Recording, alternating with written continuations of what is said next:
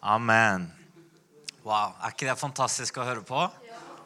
Hvordan Gud kan ta hvem som helst fra hvor som helst og, og gjøre noe gjennom hver en, enkelt av oss.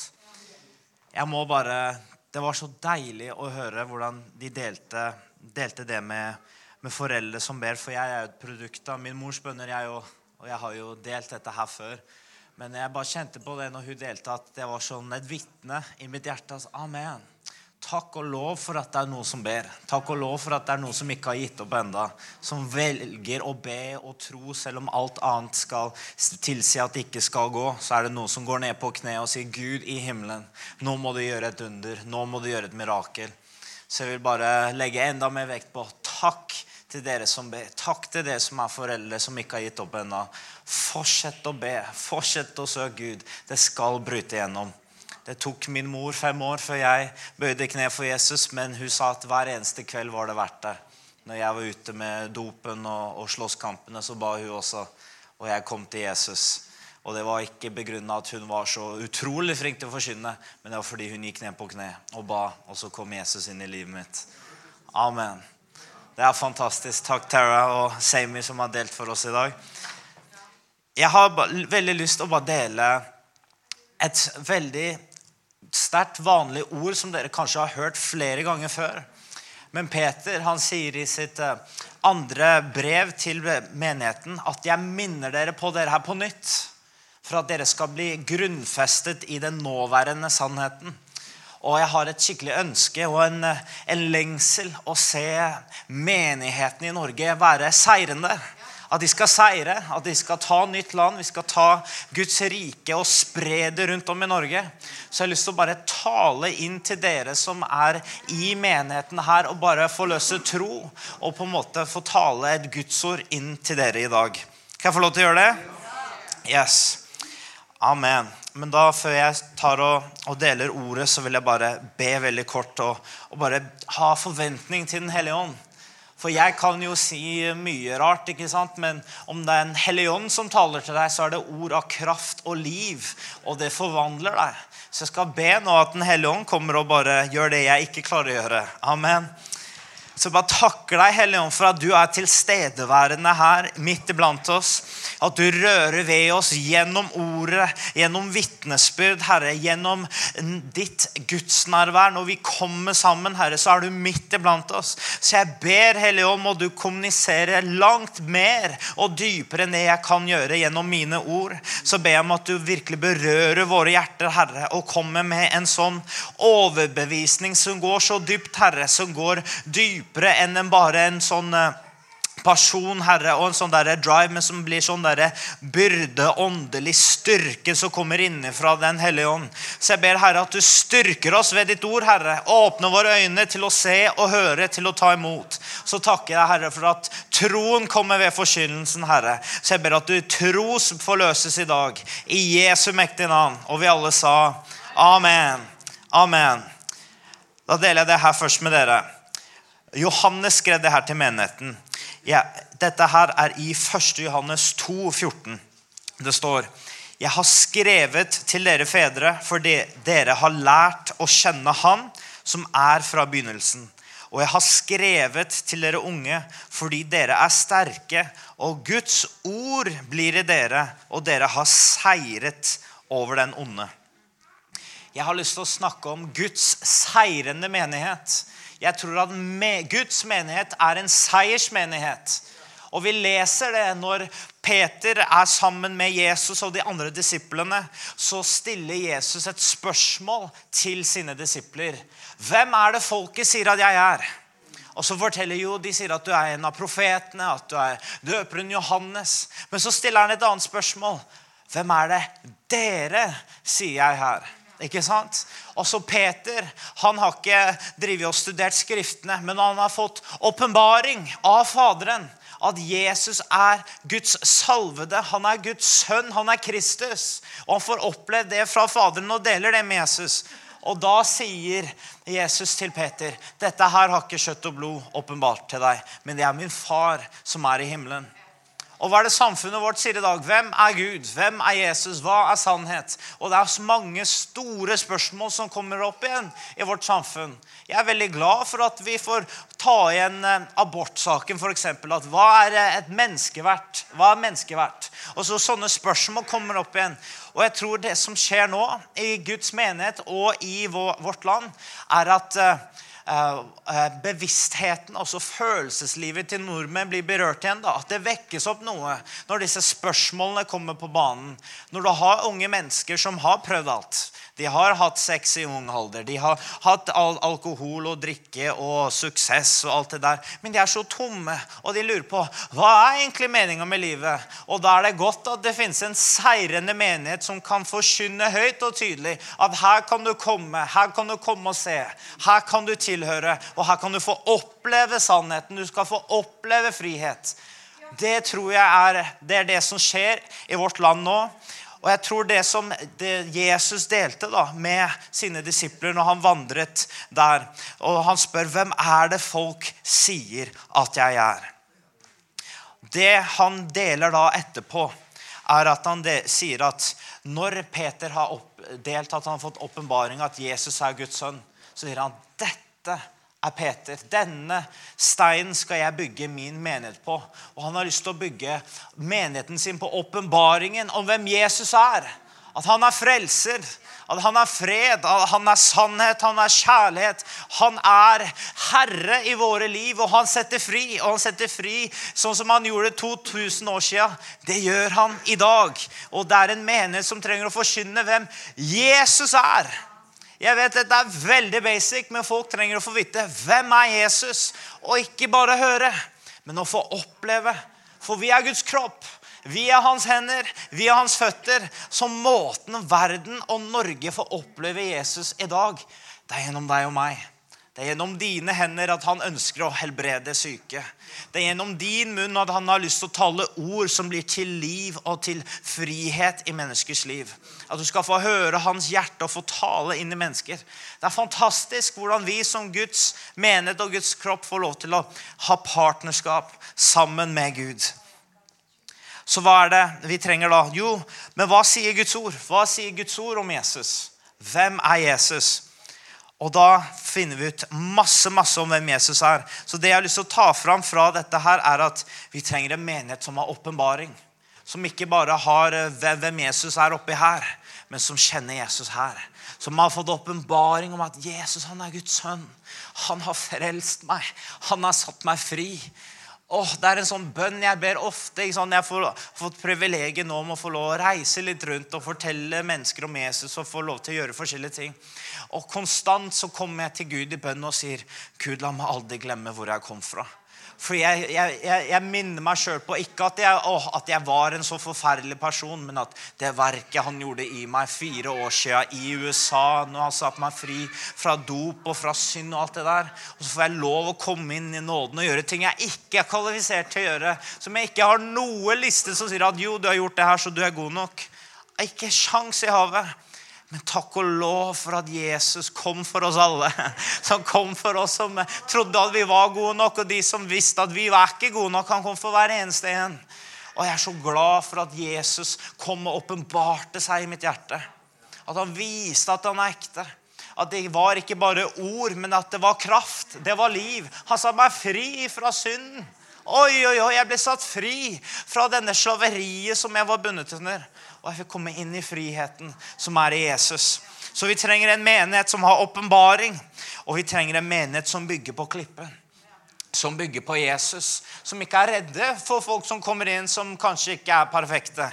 Som kommer inn som kanskje har helt forskjellige tanker, sånn som Erlend nevnte. Som kanskje tenker at nei, det her med Bibelen og det med Gud og det med, med sex og alt det der Vet du hva? La de komme og få høre. La de få komme og få oppleve. Så skal du se hvordan Den hellige ånd gjennom ordet og gjennom kjærligheten og gjennom dine gjerninger tar og vender deres hjerter. Det er Guds godhet som driver oss til omvendelse. Og det er når vi kan stå i et samfunn som ønsker å bryte mennesker ned og ønsker å gjøre masse forskjellige ting, at det er menighet som står opp og reiser seg og sier 'Jeg tror på Bibelen. Jeg tror på Guds sønn. Jeg har fått sett, jeg har fått oppleve', som er frimodig med det. Og så kan si til andre 'Kom og se. Kom og opplev. Kom og bli med'. Det tror jeg er en seirende menighet. Amen. Og sånn Jesus han driver og, og åpenbarer til Peter etter det at 'Jeg skal gi deg nøkler. Jeg skal gi deg nøklene til himmelriket'. Når vi bygger på Jesus, når vi bygger på Guds ord, når vi bygger menighet med Jesus, så får vi også hans ressurser. For det er, det er, Vi kan være veldig flinke og vi kan gjøre mye ting i vår kraft. Vi ser jo Babeltårnet. Det var jo mennesker som uten Gud som kunne gjøre store greier. Men når en menighet samarbeider med Gud, med hans ressurser, med hans nåde Han har så mye penger, han visste det, at han kan gjøre masse som vi aldri kunne sett for oss. Når vi har tro til han som kan gjøre det umulige, da er ingenting umulig. Det er så sant. Du kan sikkert sitte der og se på meg og tenke ja, men du, det, det høres bra ut. Ja, men det er Guds ord. Det er sant. Jeg har fått oppleve det der. Sist sommer ikke sant? Vi reiser rundt på misjon, og, og, vi har jo ikke lønn, eller noe sånt, men Gud han har mer enn nok penger til hver eneste en av oss.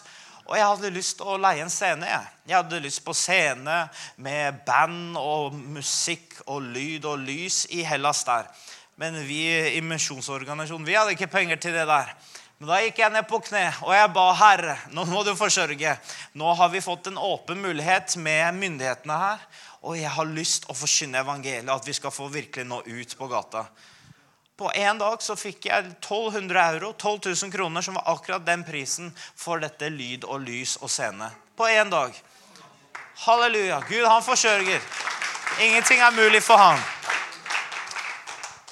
Så hans ressurser er tilgjengelige for oss, og vi skal ikke bekymre oss for, for det her. altså. For Gud, han er med økonomisk, åndelig, på alle plan i våre liv, så forsørger han. Han skal forsørge alle våre behov etter hans rikdom, ikke etter min fattigdom. Det er jeg så takknemlig for. Det er ikke min fattigdom han ser på for at han skal forsørge, men han ser til sin rikdom og sier, 'Vær så god, jeg har mer enn nok, og jeg er med deg og vandrer med deg.' Å, jeg er så takknemlig for Jesus. Oi, oi, oi. Kan jeg lese et skriftsted til deg? Efeserbrevet. La oss gå dit. Efeserbrevet her i kapittel 1, så er det en bønn som Paulus ber for menigheten. Og Den bønnen her har jeg lyst til å ta deg gjennom. for Den bønnen her, den er jo i Bibelen, men jeg fikk høre den undervist av Kjell Haltorp. Om det er noen som kjenner til han eller har hørt om han. Og han er en gudsmann. altså. Oi, oi, oi, Den gleden og den ja, salvelsen som han vandrer i sin alder det er, Jeg blir misunnelig. Jeg bare, Å, Herre, la meg bli som Kjell når jeg er 78 år. Oi, oi, oi. Den eh, passion har jeg lyst på, altså. Og Han underviste om den bønnen her, og han utfordra oss og sa be den bønnen her hver eneste dag. Så jeg har lyst til å bare ta deg inn i denne bønnen som lærer oss om åpenbaring. Som virkelig taler om noe her til oss i menigheten. Ok, Så vers 17 her i kapittel 1. Jeg ber om at vår Herre Jesu Kristi Gud, herlighetens Far, må gi dere visdoms- og åpenbaringsånd, så dere kan lære ham å kjenne og at deres forstands øyne blir opplyst, så dere kan forstå hvilket håp dere fikk ved hans kall, og hvor rik på herlighet hans arv er blant de hellige. Og forstå hvor overveldende stor hans kraft er for oss som tror, etter virkningen av hans mektige kraft. Det var den han lot virke i Kristus da han reiste han opp fra de døde og satte han ved sin høyre hånd i den himmelske verden høyt over all myndighet, makt og kraft og herredømme, over hvert navn som nevnes, ikke bare i denne tidsalder, men også i den kommende. Og han la alle ting under hans føtter og ga ham til menigheten som er hodet over alle ting. Menigheten som er hans kropp, fylden av ham som fyller alt i alle. Amen. Det er en fantastisk bønn, og den er så rik. og Jeg har lyst til å bryte den sånn litt kort opp for oss, slik at vi skal få lære det å komme inn og kjenne Jesus. Ikke bare ved ord i hodet, men ved åpenbaring. Ved å kjenne Han i våre hjerter. Det var det Johannes skrev til menigheten. Jeg har skrevet til dere, for dere har lært Han å kjenne. Og fordi at Guds ord bor rikelig i dere, har dere seiret over den onde. Så jeg har lyst til å bare proklamere at det står skrevet. altså.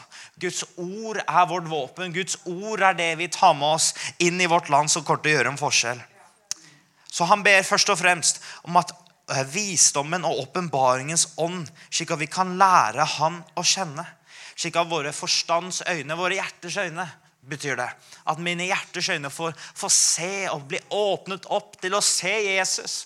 Og det skjer når Den hellige ånd får komme inn. Når han får komme og at Jesus han er Guds sønn. Jesus han er frelseren. Jesus er helbrederen. Jesus er han som er herre. Han som er dommeren som skal dømme, dømme levende og døde. Han er kongenes konge. Herrenes herre. Og når hjertet får se det, så blir det ikke bare at å, man memorerer et vers, men det blir at verset blir en del av deg. At Guds ord får ta bolig. Og det blir til skjød. Og ting skjer, og forvandling skjer. altså. Det er så nydelig. Så jeg ønsker at du skal be den bønnen. Gud, åpne mine hjerters øyne. Jeg vil kjenne deg, Herre. Og at det blir en lengsel på din innside etter å ikke bare høre, men å kjenne Han. Og det skjer når Den hellige ånd får komme og åpne dine hjerters øyne. Og det er så fantastisk. Og det ber jeg hver dag nå. Hver gang jeg leser Bibelen. Å, Herre, åpne mine øyne. La meg få se din sannhet i din, i din lov. La meg få lære deg å kjenne. Og det er så vakkert. For han gjør det, vet du. Han gjør det. Han svarer den bønnen. Og han elsker å svare den bønnen.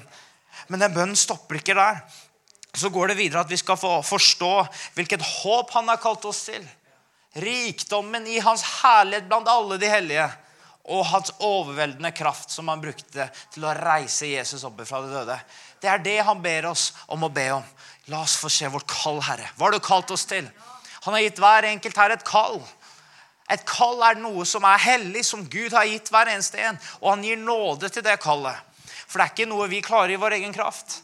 Du, jeg, jeg, kunne vært god til å gjøre mange andre ting som jeg føler meg mer kvalifisert til enn å stå her med en bibel og en mikrofon. For det føler jeg ikke meg kvalifisert til.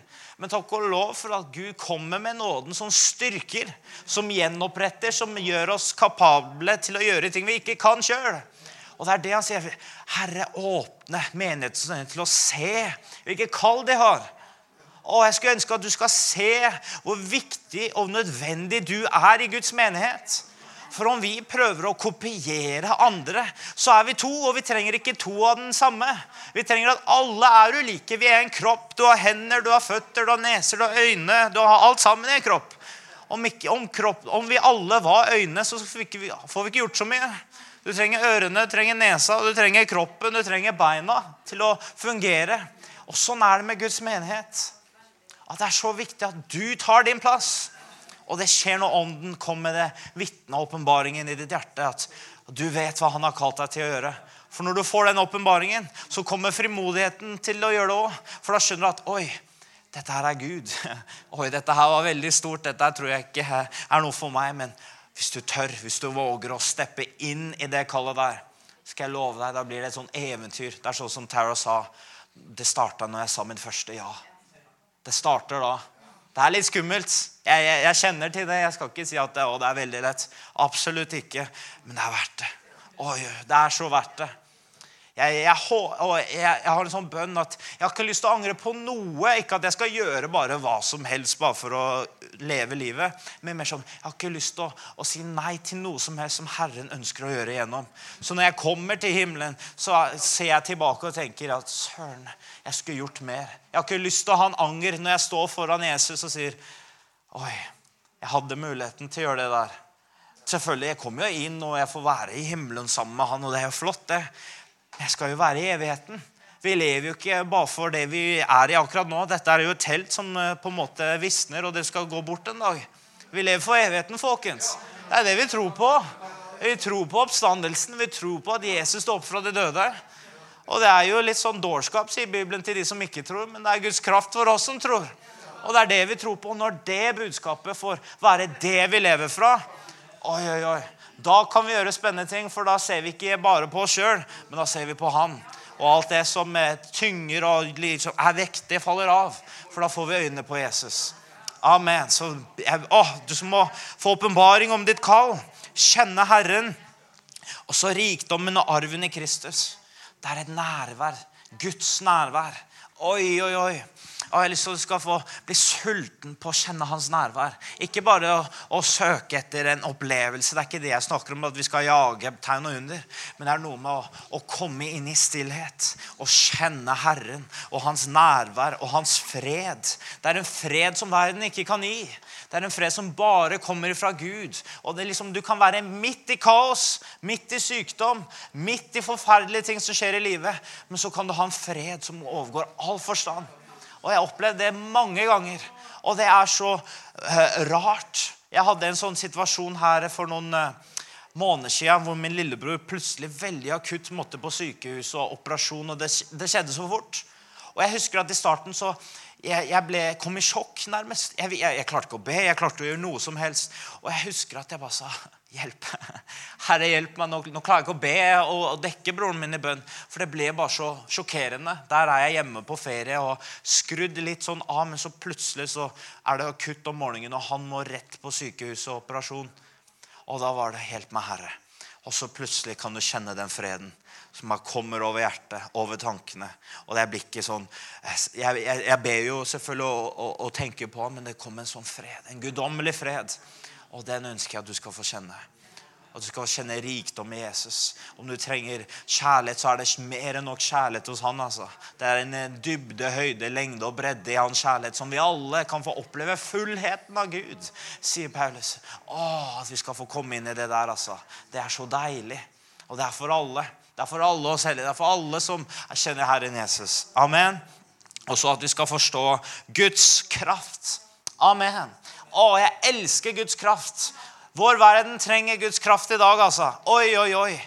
At når du kan komme inn på skoler og sånt, vet du, og Guds kraft er tilgjengelig, det er spennende, altså.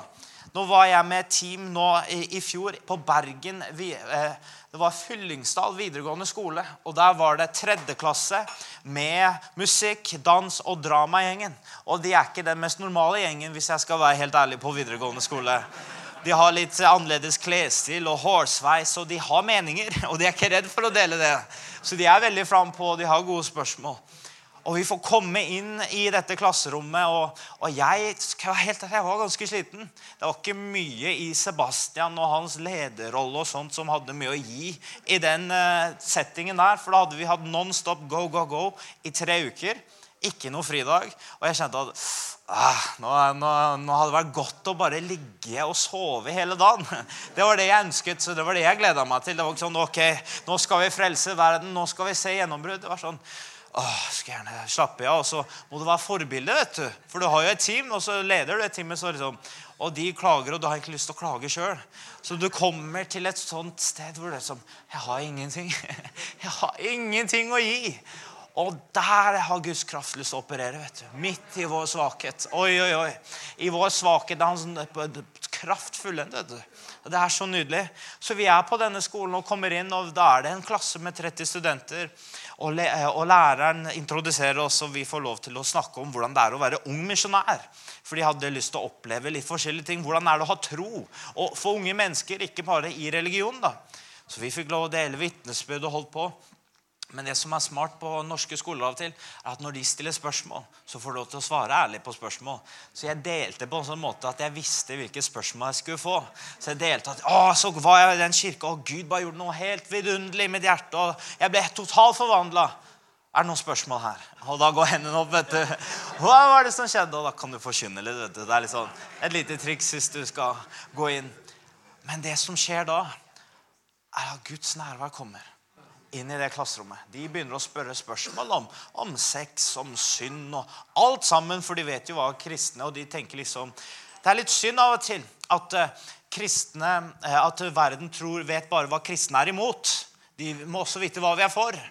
Så liksom de sier ja, hvorfor er dere imot uh, homofili og, og, sex før ekteskap? Så sier jeg vet du hva, jeg er så for sex, men i ekteskapet. For det er så nydelig, og det er en pakt fra Gud. Så jeg er ikke imot bare sånne folk som er liksom like samme kjønn. Men jeg, jeg er ikke imot noe som helst. Men jeg tror på Bibelen så mye at jeg har valgt å leve etter den. For jeg tror det er et kart som Gud har gitt oss for å få best mulig liv. Og der sitter disse, den russegjengen og bare Oi, alt sammen. Liksom, for de, de tror at vi er bare mot én ting. Men nei, vi er for Gud. Vi er for Bibelen. Og vi er for mennesker. Og vi er for sannheten. Så det er en sånn balanse der. vet du. Og vi begynte å tale og tale på alle disse spørsmålene. Og så plutselig så rekker denne ene jenta hånda opp, og hun begynner å gråte. Og Guds ånd bare faller over henne, og ikke kristen. Og hun spør hva er det som skjer nå. Hva som skjer nå? Det vibrerer på innsiden, og jeg kjenner at jeg blir varm, og hjertet dunker. Og jeg snur meg rundt, og jeg ser hele gjengen min som er her med. De er i gråt. Jeg ser i klasserommet, og folk er liksom bare Hva som skjer nå? Det er, en atmosfære av Gud i det rommet, og, og ting rører seg. og Denne jenta begynner å gråte. Og du sitter der, du står der og tenker Wow, Gud er her. Nå, nå, nå var det ikke apologetikken som eh, motbeviste dem eller fikk dem til å tenke. Det var, var Guds ånd. Det var Guds kraft. Og i det sekundet får jeg si, vet du hva? Dette er Jesus. Han banker på hjertet ditt. Han har lyst til å komme inn. Han har kommet for å sette alle oss fri og for å ha en relasjon sammen med han. Og denne jenta, vet du Jeg har lyst på det. Og, Vi får ikke lov å be i klasserommet, du, men det var, så, det var, veldig rart, for vi fikk lov til å være så frimodige. Men spør, kunne vi bedt? Nei, nei, det er ikke lov. Så Jeg vet, tror det var Gud som liksom lot oss gjøre litt sånn i det øyeblikket. Men vi fikk lov til å gå ut i gangen. Så liksom, vi, vi, er litt smarte også, så vi hadde tre minutter før timen var ferdig. Og da sa vi De som har lyst til å ta imot Jesus, løp ut på gangen nå. Det gjorde du, vet du. Så var det 17 elever som løp ut der. Og vi står der og holder hender, og, og Guds ånd er med oss. Og alle begynner å gråte. vet du. Og det er så nydelig. Og vi står der og vi ber, ber med disse her til frelse. Og så skal de inn og ha historieprøve. Men noen av de var så på gråten at læreren bare Hva er det som skjer? Hva har dere gjort? Nei, liksom det, hvis du ikke tror det, så er det vanskelig å forklare det. Altså. Men Gud har vært på ferde og har rørt disse ungdommene. Og det var flere som ble helbreda. Det var så nydelig. Så når vi ber Gud, la oss forstå din kraft, la oss forstå ditt hjerte. For Guds kjærlighet og Guds kraft det går sammen. For når du vandrer i kjærlighet, og målet er ikke helbredelse, men det er å elske denne personen uansett hva, så er helbredelse et tegn og en eh, åpenbaring av Guds kjærlighet. Jeg er overbevist om det. Jeg er overbevist om at helbredelse er et uttrykk for Guds kjærlighet intet annet. Han helbreder ikke for å bevise bare at han er hvem han er, men han helbreder fordi han elsker dem. Han gikk rundt og gjorde godt og helbredet alle som var underkuet av djevelen. Han elsker mennesker. Han gjorde ikke det bare for å bevise. Folk kan være tynget ned vet du, av mentale sykdommer og depresjon. og, og alt sånt, og Da skal ikke vi bare si hey, du, nå skal jeg vise at Gud liksom, han fins og motbevise mennesker. Vet du hva? Jeg kjenner en person. Han er verdens beste lege.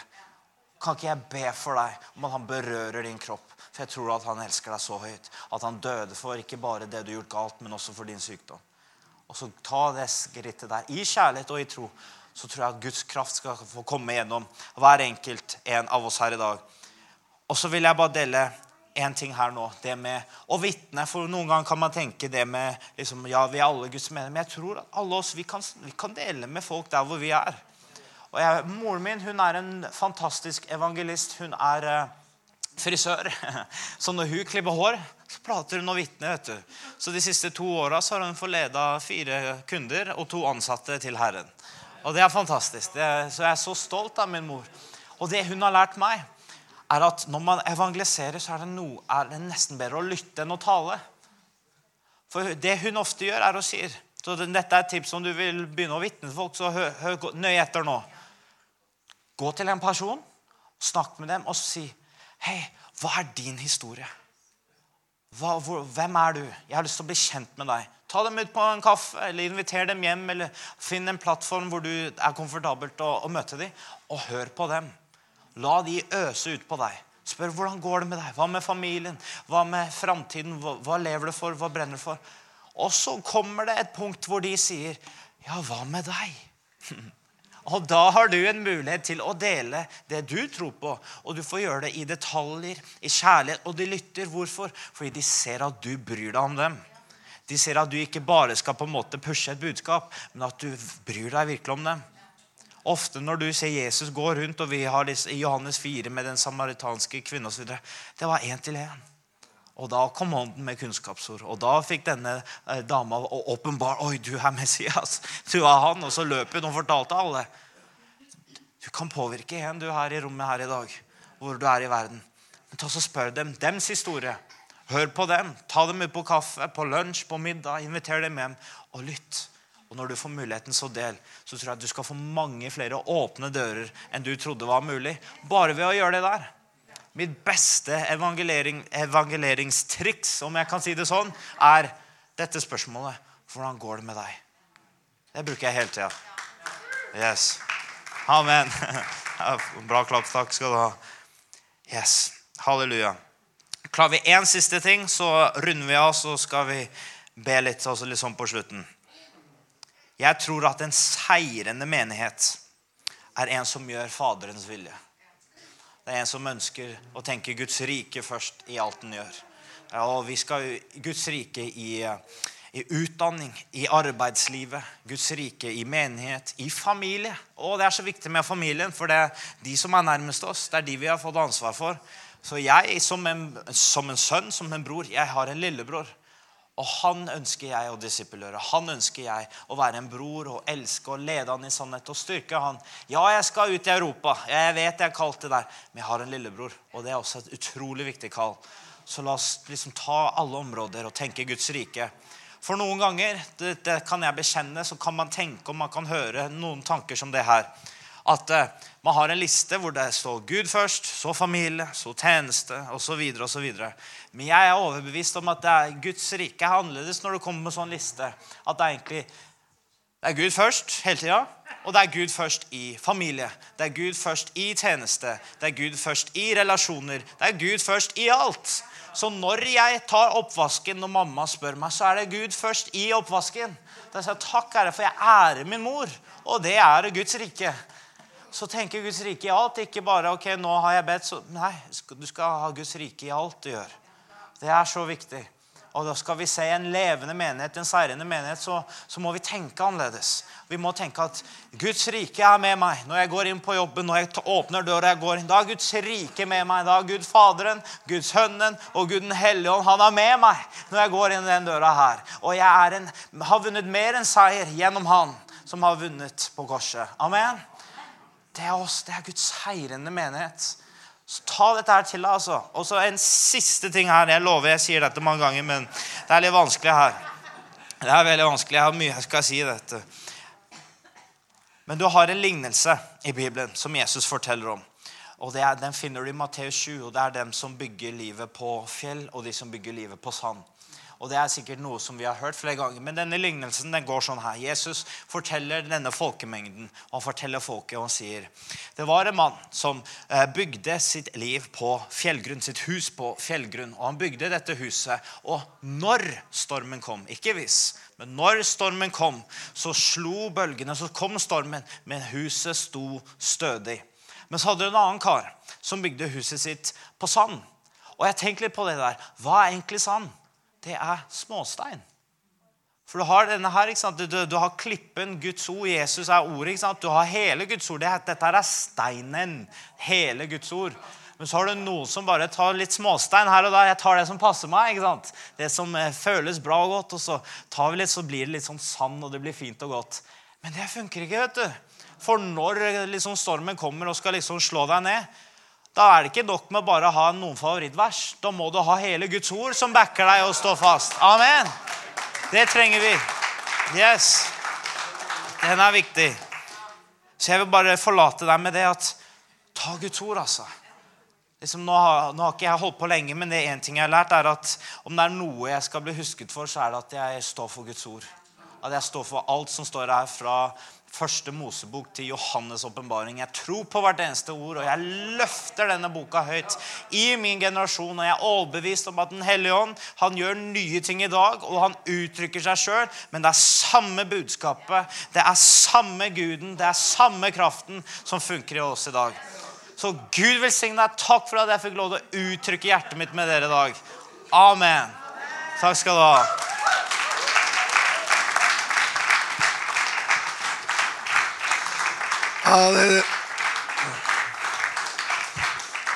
Helt fantastisk. Eh, vilt bra, altså. Her var det mye, mye snadder. Fantastisk. Vi eh, Jeg tenker at vi er vet nå, Kanskje vi er der at vet du, jeg trenger påfyll. Jeg trenger at forventningene høyes i mitt liv. Jeg trenger at, på en måte, at det er noe som strekkes i hjertet mitt. Jeg, tror, jeg trenger det. Jeg har lyst, Øyvind, Hvis du bare setter deg her nå, og så tar vi en liten stund i lovprisning og tilbedelse. Men også så kom fram her. La de her eh, herlige ungdommene få lov å sette startkabler på det. Eh, og, og være med og be. Kanskje du er sjuk i kroppen din. Ja, det sier du. Ja, jeg, jo, vi er, på tur til å bli friske, så det ligger Men kan vi ikke bare ta en stund nå